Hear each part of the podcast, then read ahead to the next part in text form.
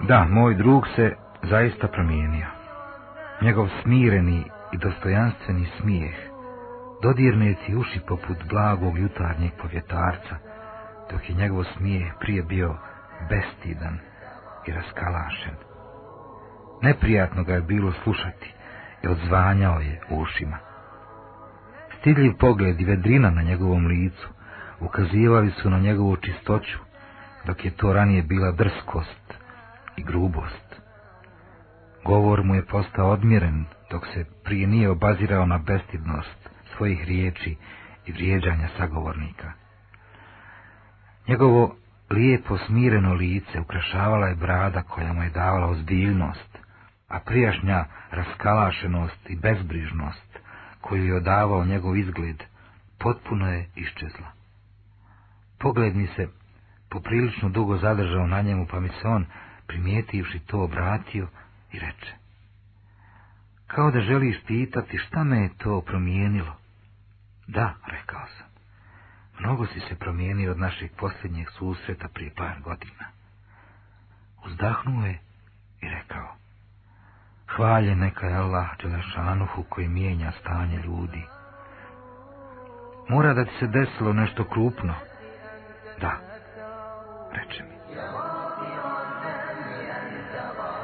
Kada se sjetim tog događaja, poveća mi se ubjeđenje u Allaha Đelešanu po sve mogućeg. Desilo mi se nešto što nadmašuje maštu i od tada je moj životni tok krenuo u drugom pravcu. Naime, vozeći se jednom prilikom prema Kairu, ispred sebe sam vidio most i dječaka koji je trčao za kravom. Bio sam veoma nesmotren i vozio sam velikom brzinom, pa se dječak odjednom našao ispred mog auta. Da bih ga izbjegao, usmjerio sam auto u stranu i odjednom osjetih udar o vodu koja poče nadirati u unutrašnjost auta. Protezao sam se tražeći zrak, ali ga nisam našao jer je auto bilo preplavljeno vodom. Pokušao sam otvoriti vrata, ali nisam uspio, tada pomislih da je sa mnom sve gotovo. I samo nekoliko trenutaka pred mojim očima su se brzo redale slike mog života prepunog zabave i razvrata i moja prošlost mi se ukaza kao utvara u obliku beskonačne tmine. Osjećao sam da tonem u tamni bezdan, dok je strah sve više obuhvatao moje tijelo. Povikao sam u sebi, gospodaru moj, pružio sam ruke tražeći spas, ne od smrti koja je predano već od grijeha u prsima. Srce mi ubrzano kucalo. Ja se trznuh. Pokušao sam se osloboditi straha kako bih nekako zatražio oprast od svog gospodara prije nego što ga sretnim. Voda me pritiskala sa svih strana kao teški željni zid, pa sam sebi rekao, zasigurno je ovo kraj.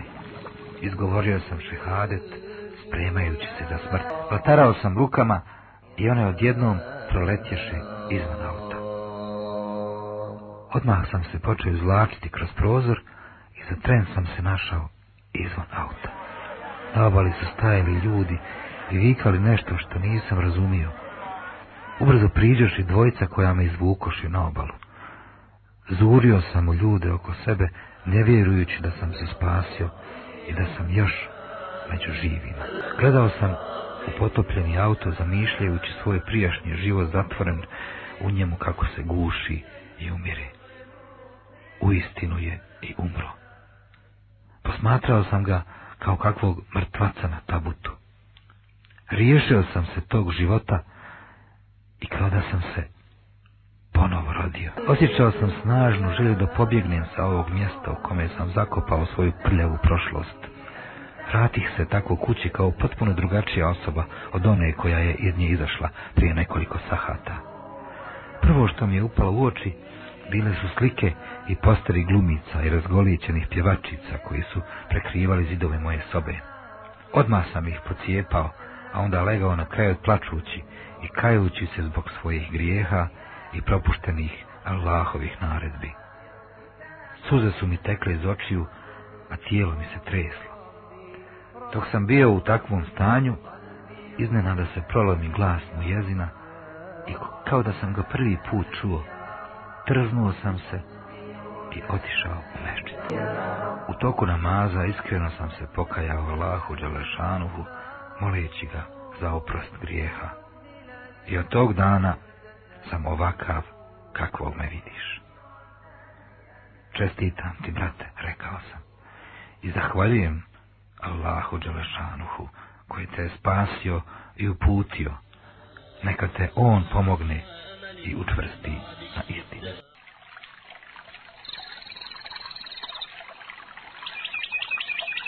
Pokajanje jednog nemarnog mladića. Jedan mladić, porijeklom Jordanac, došao je u Saudijsku Arabiju tražeći posao. I našao ga je, ali je također našao i nešto što mu nije ni naumpalo. Našao je uputu. Našao je slast vjerovanja. On nam priča svoju priču, Ja sam mladić porijeklom iz Jordana. Došao sam u Saudijsku Arabiju tražeći posao. U to vrijeme nisam bio pravi musliman, nego musliman po običaju, kao što je to slučaj mnogih muslimana u ovom teškom vremenu. U početku sam radio u jednom restoranu. Zatim je vlasnik restorana zatražio od mene da radim u njegovoj drugoj prodavnici videoteci.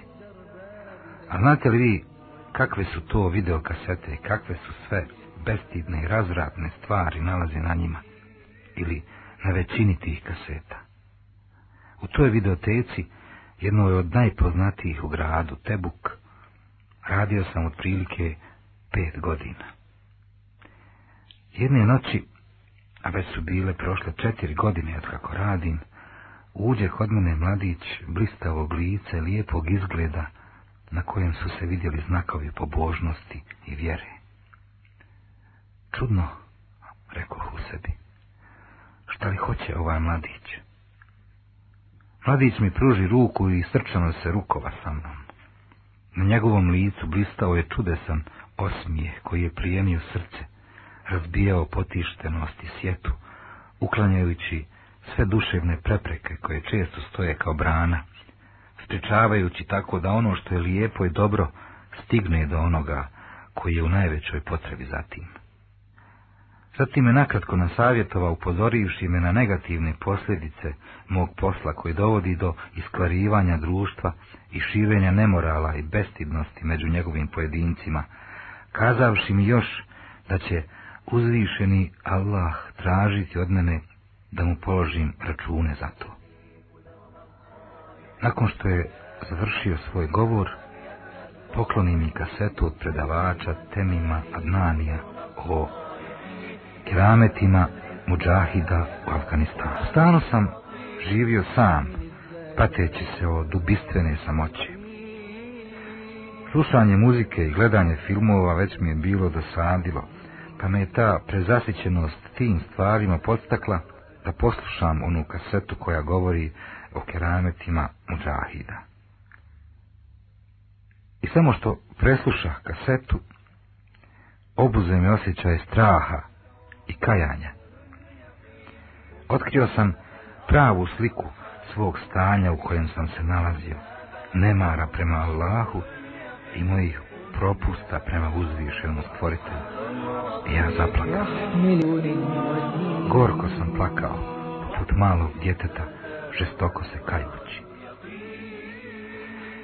Predavač koji je sam bio jedan od onih koji su svoje živote posvetili džihadu, borbi na Allahovom putu, pričao je o kerametima i junaštvima džahida, onih koje stoje na vrhovima planina uzdižući zastavu La Oni su svoje živote predali Allahu noseći ih na svojim rukama, zalažući ih na Allahovom putu. Usporedio sam ih sa onima koji šire nemoral, bestidnost i nered i koji žive kao, kao što živi stoka, nemajući druge brige sem zadovoljavanja svojih životinskih strasti. A još gore od toga je to što za svojih zadnjih 12 godina života provedenih u zabludi i bestidnosti nisam učinio ni jednu srđdu uzvišenom Allahu. Te noći uistinu sam ponovo rođen. Postao sam novi čovjek koji nema nikakve veze sa onim prethodnim. I prvo o čemu sam počeo razmišljati je kako da napustim posao u onoj videoteci i nađem sebi častan posao sa kojim će biti zadovoljan uzvišeni Ali zar da se samo ja spasim, ostavljajući druge ljude u grijehu i zabludi? Zato sam odlučio da i drugu godinu radim u videoteci, međutim, ta godina nije bila kao prethodne. Te godine sam svakog onog koji bi dolazio u videoteku savjetovao i upozoravao na opasnost tih filmova, objašnjavajući mu stav islama o tome, moleći Allaha da mi oprosti ono što je bilo i da primi moje pokajanje. I nije prošlo dugo, a mjesec Ramazana je već došao. A znaš li ti šta je mjesec Ramazan?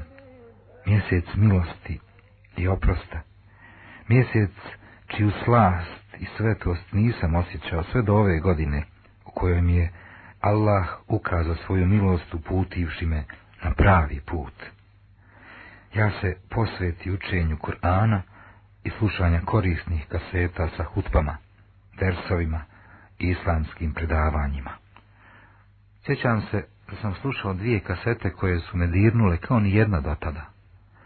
Bilo je to predavanje o rušitelju slasti i užitaka, to jest smrti i predavanje o opisu dženneta i U neposrednoj blizini videoteke u kojoj sam radio, nalazio se studio u kojem su se snimale i prodavale kasete sa islamskim sadržajem.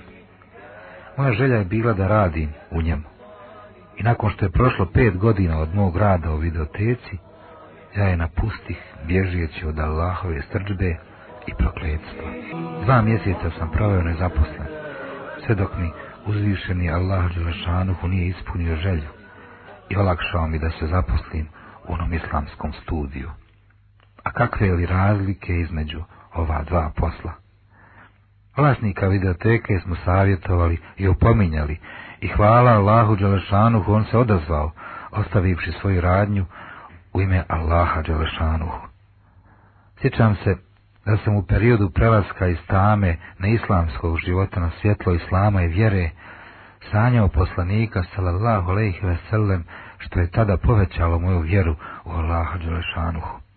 Također sam sanjao drugi san u kojem sam usnio učenjaka Abdullaha Azama rahmetullah čija me je pogibija mnogo pogodila zbog čega sam plakao.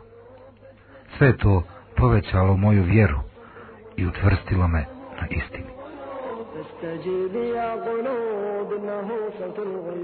I na kraju, molim Allaha Đalešanuhu da i mene i vas učvrsti na njegovom putu i da ono što sam rekao bude pouka svakom koje je nemaran, a blago onome koji uzme pouku na primjeru drugog. Pokajanje jedne profesorice posredstvom jedne od njenih učenica. Interes za pokrivanje i ustrajnost nakon toga prvi je korak na putu ženinog pridržavanja vjere i ustrajnosti u tome. Ne mislim na moderno pokrivanje koje ženu čini još privlačnijom i izazovnijom u očima ljudi, nego mislim na potpuno šerijetom propisano pokrivanje sa kojima žena postaje poštovana i cijenjena, kao što kaže uzvišeni o ženama vjernicama. Tako će se najlakše prepoznati, pa neće napastovane biti. Kada ljudi vide ženu koja je propisno pokrivena, odmah znaju da je to jedna od čednih i poštenih žena i ne usuđuju se da je uznemiravaju i napastuju. U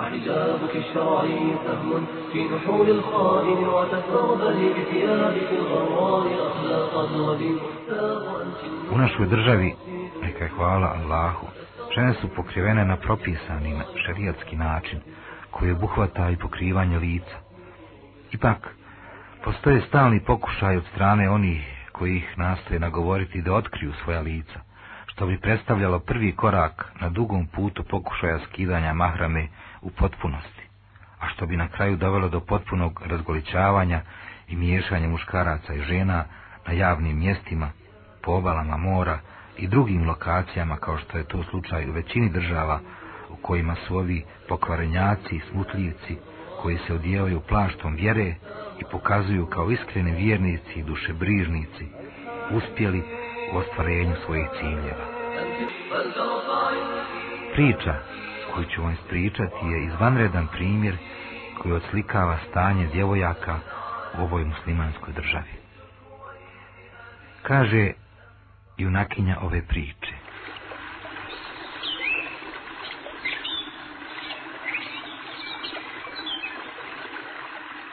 U svojoj državi navikla sam da iz kuće izlazim bez mahrame i da oblačim odjeću po kojom sam bila poznata, nastojeći da ustopu pratim svaki modni trend.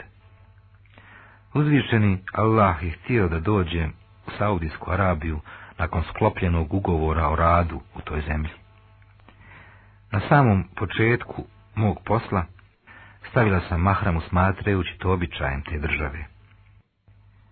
Tako sam se oblačila sve dok nije došlo vrijeme putovanja u moju zemlju.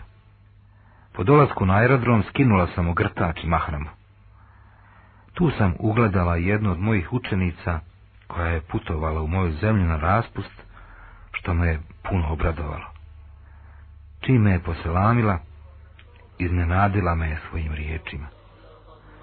Profesorice, nisam znala da vi ne nosite mahramu o kojoj sam vas viđala za vrijeme nastave u školi. Pitala sam je, zašto mi to govoriš? Pa ja nastojim da obavljam svoje vjerske obaveze poput namaza, posta, ne činim nikakva ružna djela. Ružno djelo je upravo to što ti sad činiš, odgovori.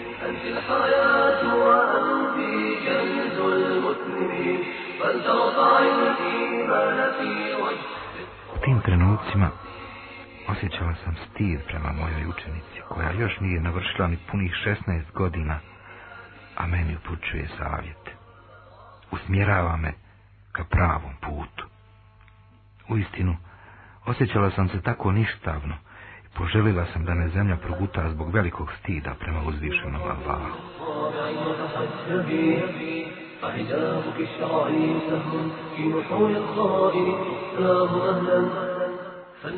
Od tog dana čvrsto sam odlučila da se propisno pokrijem u ime Allaha, izvršavajući tako njegovu naredbu i čuvajući svoju čast i sebe od pogleda ljudi. Kako li je samo divan postupak te 16 učenice? A divna li je poniznost i blagost ove profesorice?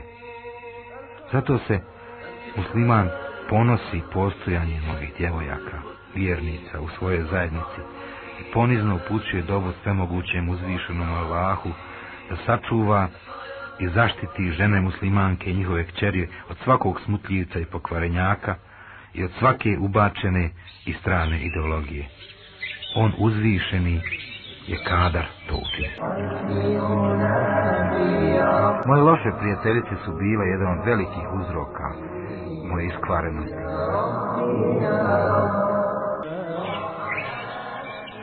Kako je samo nesretan čovjek kada živi bez kakvog cilja, ponašajući se poput stoke.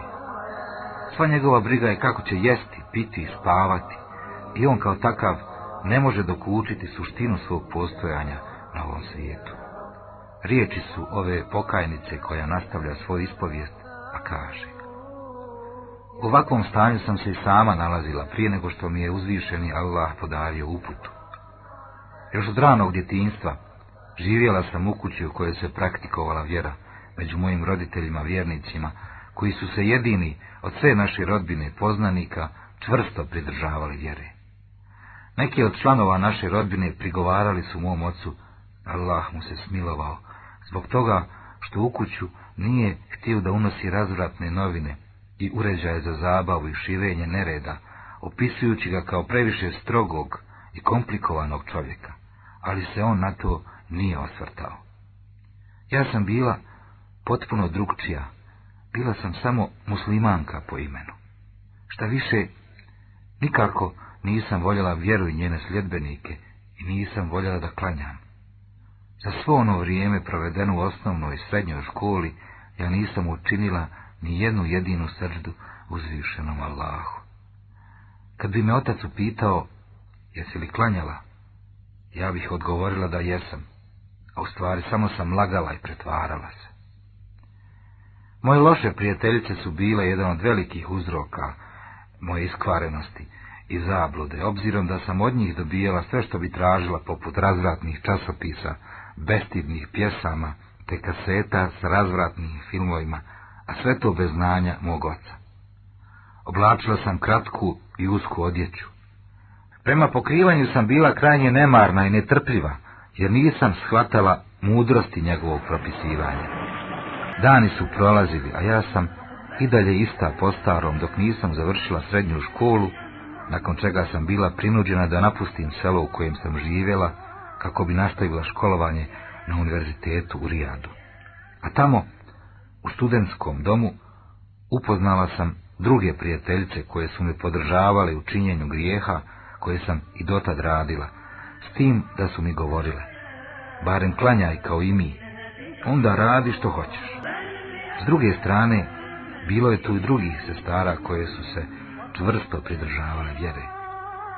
One su me stalno savjetovale, samo što to nisu činile sa mudrošću i lijepim savjetom, pa je to samo još više povećavalo moj inat, ustrajnost u griješenju i udaljavanje od vjere. I kada je uzvišeni Allah htio da mi podari uputu, dao je da se preselim u drugu sobu studentskog doma.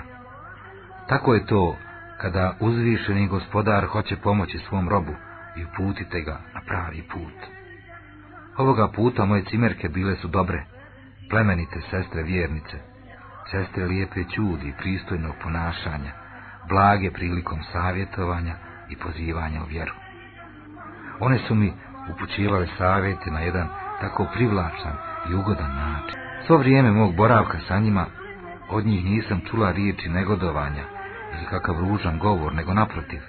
Osmihivali bi mi se i pomagali mi tamo gdje mi je pomoć bila potrebna. Kada bi me vidjeli kako slušam muziku, pokazivali bi svoju uznemirenost zbog toga, a zatim bi izlazile iz sobe ne govoreći mi ništa, pa bi ja tada osjećao neugodnost i stid zbog onoga što sam uradila. A kada bi se vratile, nakon namaza obavljenog u mešćidu studentskog doma, tražili bi me u sobi, iskazujući svoju uznemirenost zbog Bog neprisustvovanja na namazu, pa bi se opet u dubini moje duše probudio osjećaj stida i kajanja.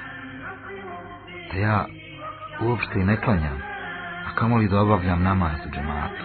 Jednog dana dođe na mene red dežurstva u studentskom domu. I dok sam sjedila u svojoj kancelariji slušajući pjesme na televiziji koje su bile malo preglasne, dođe mi jedna od mojih kolegica iz sobe i reče Šta je ovo? Zašto to ne smanjiš? Pa ti si sad na odgovornom mjestu i moraš biti uzor drugima. Ja joj otvoreno rekao, da slušam muziku i da to volim. Ta sestra me pogleda, pa mi reče. Nemoj tako, sestra moja. To je greška.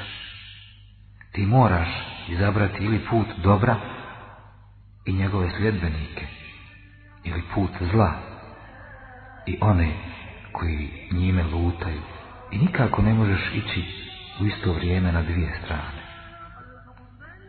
Tada se probudih i svog nemara i dođe u sebi.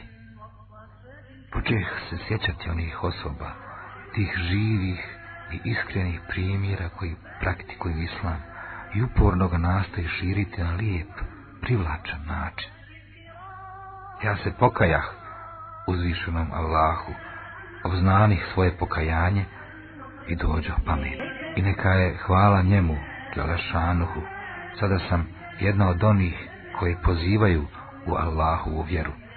Držeći predavanje u kojima posebno govorim o obavezi pozivanja i važnosti lijepog ponašanja onoga ko poziva u islam prilikom njegovog kontakta i obhođenja sa ljudima kao što također savjetujem svaku sestru da za svoje društvo izabere dobre i pobožne prijateljice.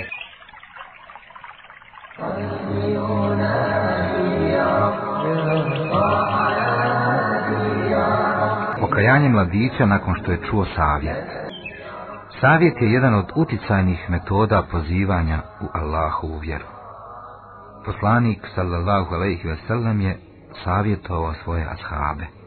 Ako savjet poteče iskreno, iz dubina duše on ruši sve brane pred sobom, dopirući tako do srca, pa biva poput obilne kiše koja se spusti na mrtvu zemlju, koja zatim ustrepti i oživi Allahovom dozvolom. Ono što slijedi je priča o mladiću koji je krenuo da počini grijeh, pa je iz daleka čuo opomenu koja je prodrla u dubinu njegovog srca, nakon čega se probudio iz nemara, vrativši se Allahu.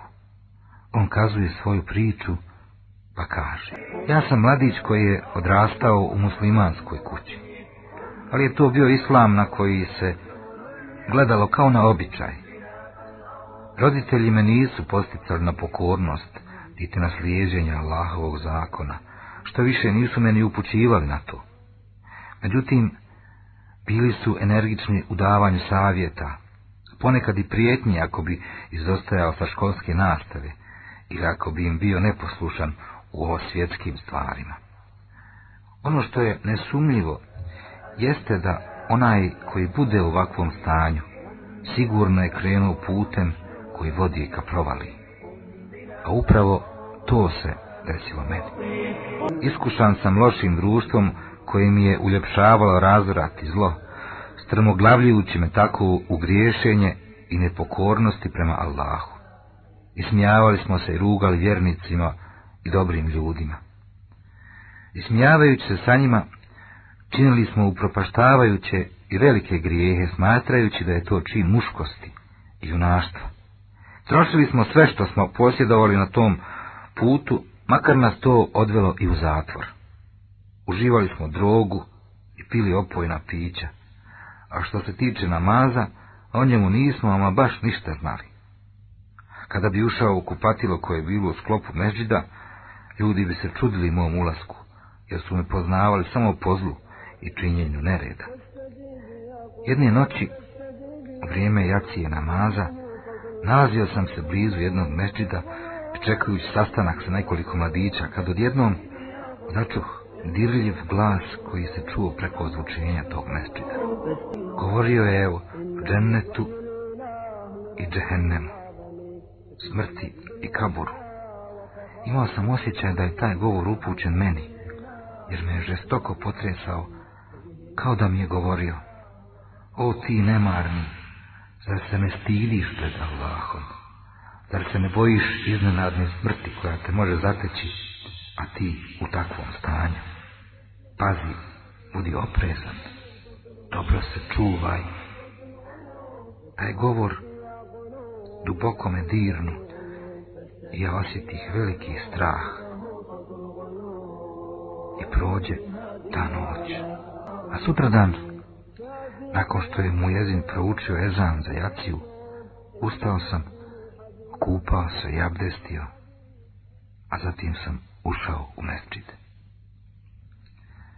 Predavač je započeo svoje obraćanje, a ja sam se nalazio na kraju jednog od safova.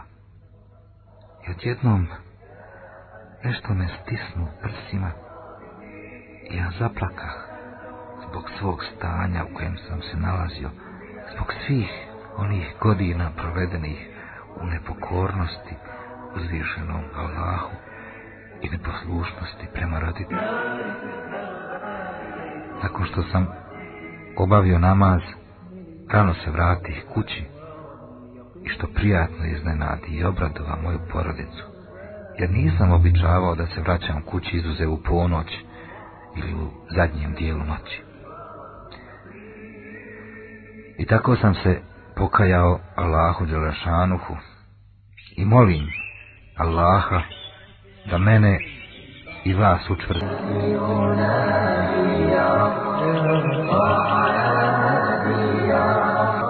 Tijelo mi je obuzela jaka drhtavica, pa ne mogoh tri sahata sjesti na volan.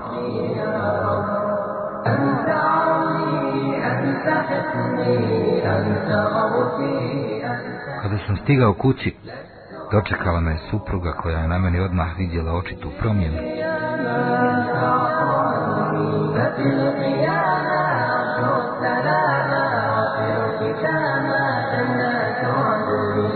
Radio sam kao vozač na dugim relacijama i to na liniji Džida Medina i obratno.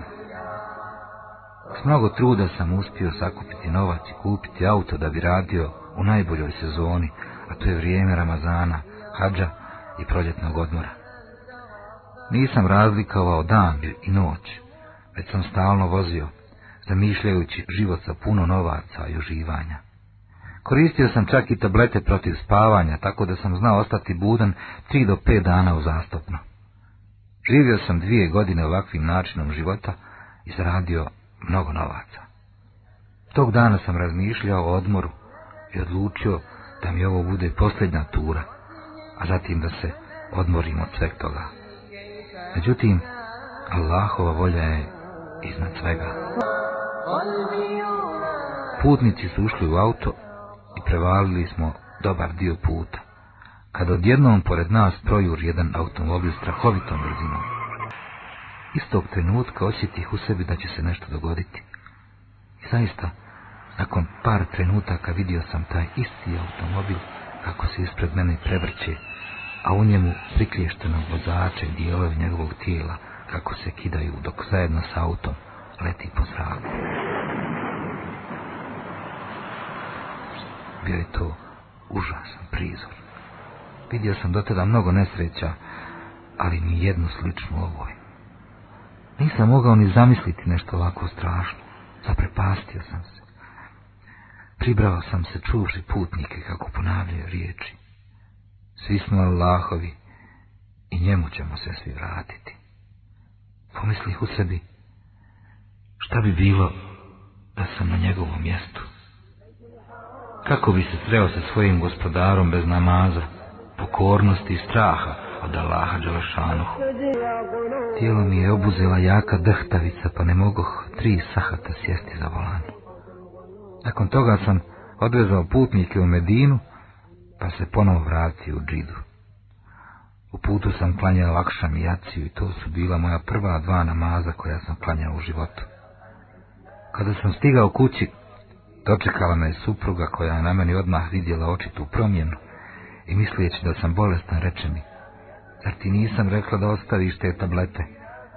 Nećeš ih ostaviti sve dok te Allah ne usmrti i završiš u vatri. Ove riječi su na mene djelovale poput šamara poniženja, pa je rekao, zakleo sam se Allahom da ih više neću koristiti. Zaplakao sam roneći gorke suze, obradovavši je da sam se pokajao Allahu Đelešanuhu i klanjao dva namaza. Uvjerivši se da sam iskren, i ona zaplaka, radujući se zbog mog pokajanja. Te noći nisam mogao večerati. Zaspao sam u velikom strahu od smrti i od onoga što dolazi poslije nje. Usnu sam vidio dvorce, auta, fabrike, i puno novaca, a sve je to bilo moje.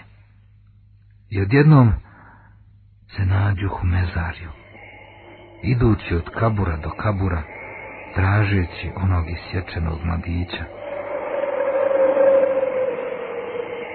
Nikako ga ne mogavši pronaći. Iznenada osjetih jak udarac u glavu, pa se prenuh i vidje da sam u svojoj postelji.